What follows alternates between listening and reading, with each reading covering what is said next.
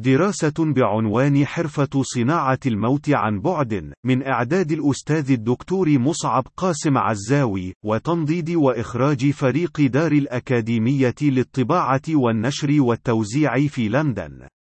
نشرت صحيفة الغارديان البريطانية مؤخرا تقريرا عن مقتل الطفل محمد تويمان الذي لم يتم ربيعه الثالث عشر بنيران الطائرات الأمريكية بدون طيار التي يفترض استخدامها للنيل من عناصر تنظيم القاعدة حسب ماكينة الدعاية الأمريكية. وهو الطفل نفسه الذي قامت في العام 2011 الطائرات نفسها بقتل والده وشقيقه الطفل الآخر حينما كان يرعيان الجمال التي تمتلكها عائلة تويمان في سهوب مأرب اليمينة.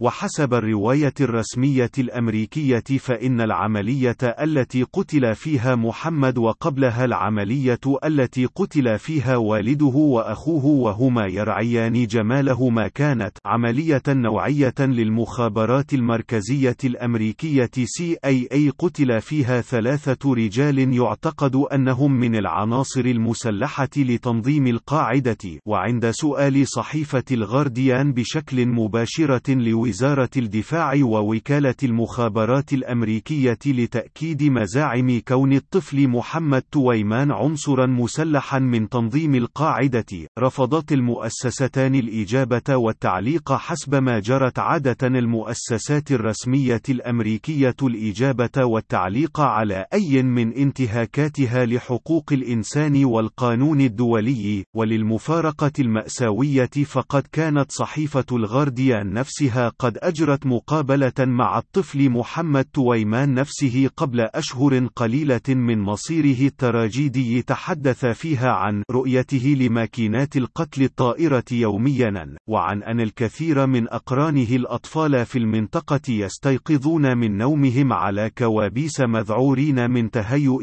آلات القتل الطائرة، حتى أن بعضهم أصبح يعاني اضطرابات عقلية، فلقد أصبحت المنطقة التي يعيشون فيها في مأرب كما لو كان جهنم وأرض لرعب لا ينقطع وأردف محمد الطفل ببلاغة الكهول مختزلا بها حزنه المقيم نحن في عيونهم لا نستحق الحياة مثل باقي البشر في الأرض وأننا ليس لدينا مشاعر أو عواطف وأننا لا نشعر بالألم أو نبكي مثل كل البشر في هذه الأرض. ليتحول بعد تلك المقابلة بأشهر قليلة جسد محمد الطفل اليمني النحيل إلى جثة متفحمة ليس لها معالم لتظهر عمق الخوف والأسى المقيم الذي كابده الطفل محمد وكل أقرانه من الأطفال الذين يعيشون تحت رعب أنظمة القتل الأمريكية عن بعد في اليمن، وفلسطين، والعراق، وسورية، وأفغانستان، وباكستان، وليبا، والسودان السوداني، والقائمة تطول لما يصفه المفكر نعوم تشومسكي بالميزة الفارقة لعقيدة الرئيس أوباما الحائز على جائزة نوبل للسلام القائمة على قتل جميع الأعداء المحتملين، واعتبار الضحايا المدنيين ضمن هامش الخطأ المقبول، في تناقض مع عقيدة سلفه جورج بوش الابن القائمة على اعتقال جميع الأعداء ورميهم في السجون السرية وتعذيبهم لل الاعتراف بما تريده الإدارة والماكينة الدعائية الأمريكية، حسب جوان كول خوان كول، أستاذ التاريخ في جامعة ميشيغان في الولايات المتحدة، فإن عدد الضحايا من المدنيين بنيران الطائرات الأمريكية من دون طيار في باكستان وحدها يتراوح بين 423 962 يضاف لهم من الأطفال ما يتراوح بين 172 207 حيث تختلف الإحصاءات حسب المصادر المستقلة وأهمها مكتب الصحافة الاستقصائية في لندن.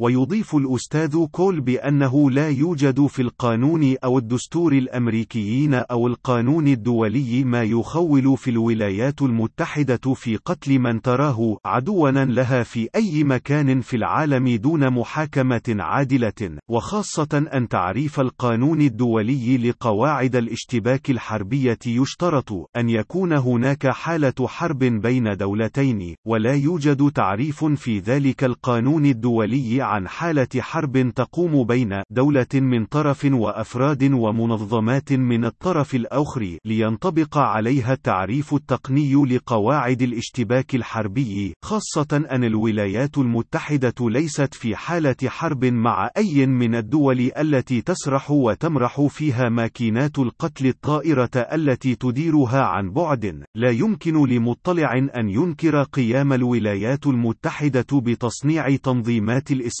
الجهادي والمجاهدين الأفغان لمحاربة الاتحاد السوفيتي في أفغانستان في ثمانيات القرن المنصرم ومن ثم تصدير أولئك إلى دولهم الأصلية عقب انتهاء الحاجة النفعية للأمريكان بهم ليكونوا بمثابة خلايا نائمة أو سرطانية نخرت المجتمعات العربية جميعها ودون استثناء وكان أخرها النبت الداعشي الذي يكاد يلتهم أرض الرافدين والشام معا.